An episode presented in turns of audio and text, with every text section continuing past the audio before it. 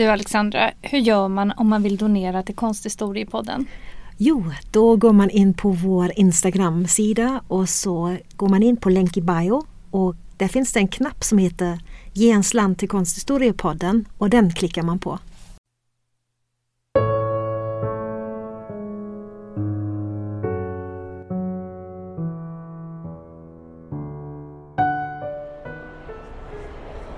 Och välkomna till Konsthistoriepodden som är på resande fot. Jag heter Alexandra Frid.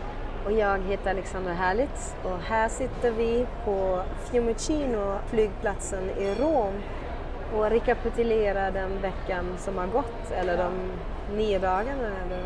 Ja, precis. Vi har hunnit med extremt mycket på de här nio dagarna. Eh, det har varit väldigt intensivt. Eh, Alexandra har varit jättedålig också. Ja, jag har varit väldigt förkyld så jag kämpade på. ja, vi har haft ett digert schema men har tagit det också lite lugnt. Vi började resan i Milano yes. och där så... En av höjdpunkterna faktiskt. Ja, det, måste man, det var det ju verkligen. Eh, det var ju att titta på Leonardos Nattvarden. Precis, där måste man ju förbeställa biljetter för det mm. går inte att bara gå in liksom. Och det är ju faktiskt så att man betalar 15 euro för 15 minuter så det är en euro i minuten. Ja, men eh, jag tror både du och jag tyckte att det var en helt otrolig upplevelse och aldrig har 15 minuter gått så otroligt snabbt. Som vi är ju ganska vana att titta på väldigt mycket konst så var det här en, en det var en upplevelse som alltså man helt enkelt måste uppleva att man ser den här väggmålningen som ändå är, det är ju en ruin. Det är ju så lite kvar av vad som egentligen var Leonardos hand. Men, men det som man ser när man är på plats det är ju hur otroligt det här verket måste ha varit när det stod färdigt. Och sen också hur det viktigt är att titta på konst på plats därför att när man ser på bilden så ser man också att perspektivet är helt annorlunda än hur det ser ut i fotografier. Ja, det är sant. Vi står ju i första raden ja. och kunde få stå där hela tiden så det var ju väldigt speciellt. Det finns ju en annan målning i samma rum ja. som, är, som nog ingen annan hinner titta på. Det är en väldigt fokuserad stund då man verkligen står där i det här mörkret ganska tyst. Ja. Um, Eller inte vi, mycket vi hade, kvar. Ju för, vi hade ju för sig en guide som, eh, eh, vi hade inte en guide men det var en grupp med en guide som stod och babblade in i det oändliga kändes det som. Ja. Men, eh, men det är sant, det är, det är ett väldigt lugnt och stillsamt rum. Det det. Ja det är det. Och så står man där i halvmörkret och det är väldigt, eh, ja, det har varit väldigt speciellt på många sätt. Ja. Men sen funderade vi också på det här återigen det här med hur viktigt var det här konstverket på sin egen tid för det har ju ändå använts också som stall under Napoleons tider och så vidare. Man har ju dragit in en dörr också mitt under, alltså, över Jesus fötter. Ja. Eh, men man blir ju också inspirerad att när det väl finns möjligheter att ta upp sin egen forskning och skriva sina egna artiklar igen. För du har ju forskat en del mm. om uh, nattvarden av Leonardo och det tänkte vi väl vid många stationer på denna resa att um, åh, jag har så lust att skriva om det här eller åh, det vore så kul att avsluta detta projekt eller liknande. Men det är också någonting som är väldigt viktigt tror jag med de här resorna som, som vi har fått möjlighet att göra att få tid att reflektera men också komma ihåg vad vi själva forskar om. Ja, det är väldigt inspirerande på många sätt. Mm. Både att hur man ska lägga upp undervisning, att man ser gamla verk med nya ögon, att man återbesöker platser som man har sett tidigare. Många platser har vi ju sett som studenter också ja. då, det är ju något helt annat när man läser tredje terminen i konstvetenskap mm. än uh, att återvända nu. När man sitter på så mycket mer kunskap. Ja. Men jag tänker också det, vad vi gjorde när vi hade sett nattvarden, det var ju att vi gick faktiskt hem till hotellet och på kvällen så lyssnade vi, lyssnade vi på podden som handlar om nattvarden som vi gjorde för flera år sedan. Yeah. Det är väl nästan fyra år sedan vi gjorde den, tre och ett halvt i alla fall tror jag. Och då, vi la ju väldigt mycket fokus på de olika reaktionerna i grupperna och liksom de här grupperingarna och så vidare och allt möjligt pratade vi om. Men, och det tycker jag det blev också väldigt tydligt när vi stod där att, att målningen är så mycket mer än, än finns liksom någon Ja. känsla i bilden som... Det finns ju alltid de där, det där narrativet eh, om ett konstverk som ofta tar väldigt mycket plats, som i det här fallet att vilken moment Leonardo har valt att avbilda i nattvarden, nämligen den då, då han nämner att någon av er kommer att förråda, mig. Mm. Och då är det ju uppror i gruppen och det är ju, han är ju den första som målade just den här scenen. Men just när det ofta tas upp att det är just det här narrativet som gestaltas så kan det ofta hamna fokus just på det. Och så glömmer man av att det finns mycket mer att säga om andra saker, om bakgrunden, om rummet, om ja, Perspektivet. perspektivet. Ja. Det som vi har lagt märke till också var ju, det var så himla fint de här vecken i bordstycken. Som att han hade precis tagit fram bordstycken ur, Mangen. Ja men precis, ur mangel eller ur Ja. ett linneskåp.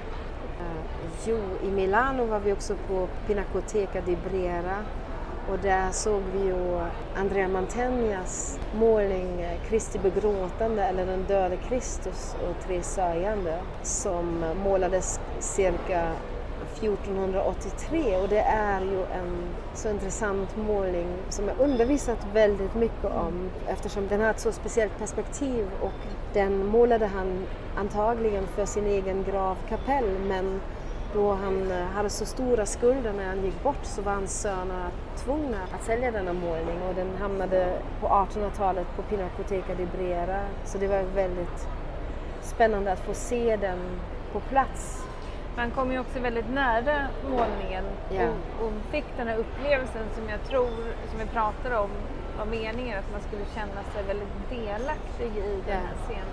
väldigt nära och i det här klaustrofobiska rummet. Ja. Ja, efter Milano så åkte vi ju vidare till eh, Venedig. Venedig, ja. Det känns Det som att det var, det var ett jättelänge kärt sedan. återseende för dig. Ja, det var det. Jag besökte Venedig när jag läste tredje terminen konstvetenskap med två professorer i tio dagar. Det var väldigt lyxigt om man tänker tillbaka till det nu. Och så mycket kunskap man fick serverad för sig av sina kunniga lärare. Man, man gick ju också in i de här utställningarna och kyrkorna och museerna med blicken av någon som bara läste tredje terminen. Att allt man såg var ju otroligt storslaget i princip. Jag minns att Galleria dell'Accademia i Venedig var länge ett av mina favoritmuseer. Och nu när jag kom tillbaka dit så det kan ju ha att göra med att delar av museet var stängda för att de renoverade och andra delar var inte helt färdigt renoverade men det kändes ändå som att det var inte riktigt samma museum man såg då. Och, ja, ibland hade jag i mitt, i mitt minne att det var andra målningar som också fanns där men då hade jag kanske blandat ihop med att de såg jag kanske på någon annan plats. I en kyrka eller någon Det är ju annanstans vanskligt det där med minnet och tid, man kommer ihåg. Vad gjorde vi mer då? En sak som vi gjorde det var ju i Venedig, vi besökte Scuola Grande di San Rocco och det var något som jag hade högt på min lista för det var en sån plats som jag minns att jag som student tyckte otroligt mycket om. Och vi tittade på Tintorettos Konungarnas tillbedjan och Förgådelsen. Och det, det har jag ju livliga minnen av hur jag som student står där och håller referat om de här bilderna. Och också, jag menar på den tiden så det fanns inte så mycket litteratur tillgänglig så man fick eh, läsa på italienska. Men sen fick man göra många delar själv, att man gjorde en egen analys. Och det, när jag höll det här referatet och det gick bra, det var första moment då jag som konstvetenskapsstudent kände att ja, men det här kanske, det är ändå, det här verkar ändå funka bra, det här kan jag. Så när vi var i Venedig så tog vi en dagstur till Padua. Det gjorde vi. Eh, Till Capella Scrovegni. som är målat av Giotto.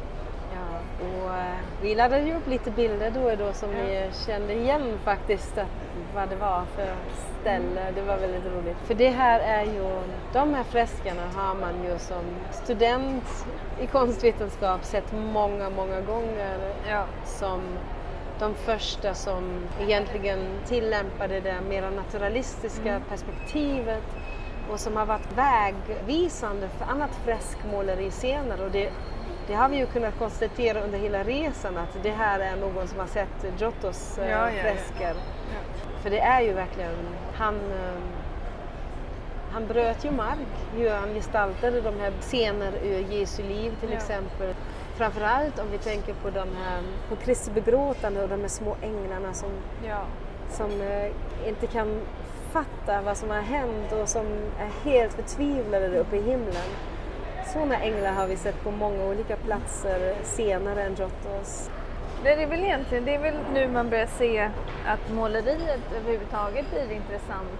Måleriet blir ju först såklart störst i Nederländerna, eller i Flandern, för att det sen ska utvecklas lite senare i, i Italien. Och nu sitter Alexander här liksom och höll på att skratta ihjäl sig. Eftersom jag är hårt skolad av Barbara, Barbara Lane. Ja. Jag vet inte om alla håller med dig där. Men eh, det är ju, låt oss säga så här. det är olika, väldigt olika förhållningssätt som man kan se norr om Alperna och i Italien. Padua var ju också väldigt trevligt för att att komma ifrån Venedig och de här massorna av turister som tränger sig genom de här små gränderna, det är ju speciellt. Och det finns ju verkligen ingen annan stad som är som Venedig. Och i Padua var det så lugnt och så, ja men verkligen något helt annat. Det var skönt att komma ifrån det här turist turistkaoset lite grann. Ja, det är verkligen ett gytter av, eh, av turister och vi, ändå, vi åker ändå dit nu när det inte är turist, turistsäsong.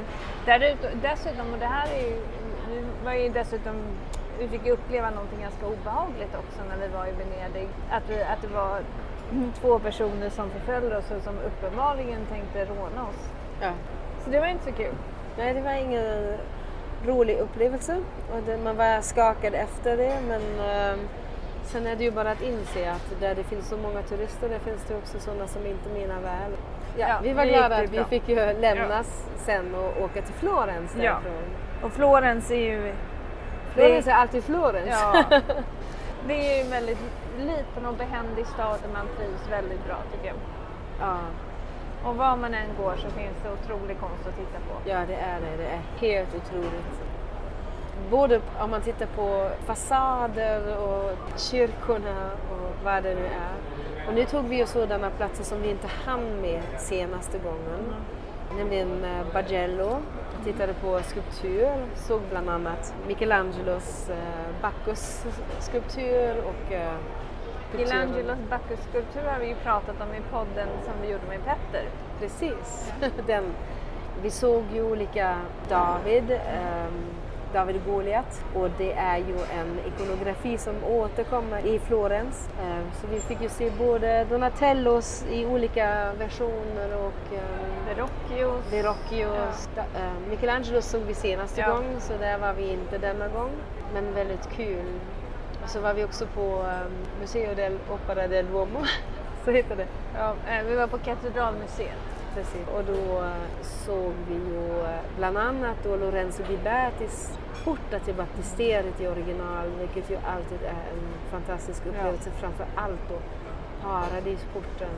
Det är ju så otroligt. Ehm, Helt fantastiskt. och sen också de här figurerna som, både figurerna och reliefskulpturerna som finns på Campanilen i, vid eh, domkyrkan, Santa Maria del Fiore. Och denna gång var faktiskt första gången, för mig i alla fall, att jag tittade på här, den här gamla kyrkan, Santa Reparata som låg under eh, domkyrkan. Mm. Och det måste man verkligen säga att både museet som tillhör domkyrkan och den här, det här museet under domkyrkan, Ja. det var väldigt, alltså det var nyrenoverat och väldigt fina iscensättningar av de här konstverken, både mosaik eller om det är skulptur. Det var väldigt fint iscensatt, väldigt fint belyst och de har ju verkligen visat upp det på ett fantastiskt fint sätt, vilket ju kan vara ganska svårt när man plockar skulpturer ur sitt sammanhang och visar dem på, på en annan plats i ett museisammanhang. Men det jag tyckte jag var väldigt fint och mycket finare än senast jag var på museet. Jo, men det är absolut, det var det absolut. Det är också bra att veta att när man bokar biljetter till, eh, till de här museerna så kan man ofta göra det som är kluster, liksom, att man väljer tre eller fyra saker som hör ihop Just ungefär. Mm. Och, det, och det var det värt. Verkligen ja. Det är också bra att kolla på när man bokar biljetter till de här museerna vad man ingår i för grupp. Eh, till exempel om man är eh, konstvetenskapsstudent så kommer man in gratis på nästan alla Ja. museer. Eh, om man bara bokar kanske en eh, tidslott ja, för 3 precis. euro eller något liknande. Ja, och ta med sig sitt studentlägg. Det är, bra, det är bra att veta. Och det är också en bra sak i Italien. Det gäller ju nästan överallt faktiskt. På många ställen i alla fall. Ja. Inte på alla men många. Nå- något som var väldigt roligt som jag hade sett fram emot mycket det var att, och gå till eh, Pittipalatset, besöka Pittipalatset. Eh, när jag läste min master med eh, James Saslow på Queens College så tog jag en kurs som hette Undrar om den inte, jag kommer inte ihåg vad den hette det, men det var ett väldigt starkt fokus på Florens. Och, eh, och han pratade jättemycket om Pittipalatset Och jag kommer ihåg att jag skrev en uppgift, så det var väldigt roligt. Och då, eh, jag kommer ihåg att jag, inledningen till uppsatsen handlade om att jag, att jag stod framför palatset. Men problemet var att jag hade aldrig, då hade jag aldrig varit i Florens. Så att jag fick gå in och titta jättenoggrant på bilder från alla håll för att se hur det verkligen såg ut och titta på kartan för att kunna beskriva hur det här såg ut. Eh, och det gjorde jag som inledningen i alla fall till den här uppgiften. Så det var kul att besöka det. Eh, nu tycker jag att det kanske inte var, det kanske inte riktigt levde upp till mina förväntningar för det var inte så mycket renässans kvar i det här Det är väldigt många barockmålningar där. Mm. Och det är ju inte riktigt din favoriserade tidsepok kanske. Nej. Men eh, tycker man om den, alltså måleriet från barocken och framåt, även det fanns många fina 1800-talsmålningar så, så är det ju verkligen ett fantastiskt museum att titta på. Ju. Vi var i Santa Croce också denna gång. Senast så hade vi sån otur att det var stängt när Ja, vi skulle det. dit. Men denna gång så var det faktiskt möjligt. Då bokade vi i förväg så att det inte skulle hända igen. Och där finns det ju fler eh, Giotto-fresker. Där fick vi i alla fall se då eh, Michelangelos grav Ja. och Dante Alighieri's grav. Och, ah, alltså det är en fantastisk kyrka på alla sätt. Ja, det är och det. det är det lilla Pazzi-kapellet som är Ja. så fantastiskt också. Ja men det är verkligen den Det är, som att gå, det är nästan som att gå omkring i hjärtat av renässansen. Ja men det är ju det. Donatellos eh, tillbedjan också, den här reliefskulpturen. Ja, det, är, det är så mycket fint att se i Santa Croce så det är verkligen, det är verkligen värt det. Och nu på vintern så var det ju en lite speciell upplevelse för där fick vi ju något som vi inte riktigt har på det sättet i Sverige. För framför Santa Croce då är det ju den lilla eh, julmarknaden och det är ju så trevligt att gå där och titta på alla små saker som de säljer där. Ja, och nu förstår jag ju att ni reagerar och tänker så här, jo det finns visst julmarknader i Sverige och ja det finns julmarknader i Sverige, men det finns inte den här typen av julmarknader i Sverige. Och det är det här att det är inte så, det är inte så uppstyrt. Utan man har sina stånd och så säljer man lite eh, såna här skinkmackor och mm, typ glühwein och så. Folk går in och ut, det är liksom en del av, av staden på något sätt. Ja, det är det. En sak som vi måste nämna som Ja. är också nära Santa Croce. Det är det lilla café Michelangelo som vi har Ja. varit i för två år sedan Ja. när det var pandemi. Och det är lite, det där är ett sånt genuint ställe. Det är, ett, det är en lunchrestaurang, Ja. en lunchcafé som är väldigt ehm, Ja, men det är väldigt genuint italienskt. Det är Mm. inget turistställe alls utan det är en familj som har hand om det och de, eh, ja, men det är lite, det är vad det är. Du, man, eh, man beställer från ett litet handskrivet, från en handskriven papperslapp som hänger lite över baren och så är det alla i familjen som ser till att alla gäster ska få vad de har och det, är, det kan kännas lite virrigt och lite annorlunda men det är verkligen, de har koll på sina bord, gäster. Ja, alltså det flyttas bord fram och tillbaka Ja. och jag menar de serverar ju ändå, först får man typ en, en, en pasta brukar det vara att man Ja. får som förrätt och då kan man välja mellan en eller ja, två, två stycken ungefär. Och sen så får man kött och då brukar det vara, eller alla, nu har vi varit där tre gånger kan vi erkänna det. Ja. Men eh, till lunch eh, då brukar det vara att man antingen får så här, Rostbiff. kalkon eller rostbiff och en dag hade då var det skinkstek. Var det. Ja. Eh, och sen, och sen nå någonting till, till, till det, typ sallad Ja, eller sallad. ja, och så, ja. Och sen får man eh, välja frukt Ja. eh, och då får man ju de här goda söta små mandarinerna. Och vi har fantiserat så mycket var de här Ja. mandarinerna kommer ifrån, om det är från deras eh, Trädgård. odlingsträdgård eller om de har köpt dem, det spelar inte så stor roll kanske i det här sammanhanget. Men det är i alla fall, är, om man ska tipsa om någonting i Florens som ingen känner till kanske, då är det nog kanske det man ska tipsa om. Café Michelangelo. Ja. som ligger nära Santa Croce. Och det är verkligen, det är inte, det beror lite på när, när man kommer dit men när man kommer lite sent så ibland när vi beställer samma sak så får vi olika rätter ändå. Det är vad det är, det blir vad det blir. Och det är, men det är väldigt, eh, det känns väldigt genuint. Och så sitter man där och det hela tiden så Ja. tas det fram bord och ställs tillbaka bord och det, det känns ändå så det äkta. Det är väldigt Ja. kul att vara där. Det är som en det är som att se en liten bit av Italien Ja, från nära håll. Ja men precis. Utan väldigt, Ja. väldigt basic. Det är väldigt många människor som jag tror bor där. Liksom äldre människor som kommer dit och Ja. äter sin goda lunch. Eller, ja, lite blandat. Men inga turister, Nej. förutom oss. Sen tog vi tåget från Florens till Rom och det var ju en liten rysare.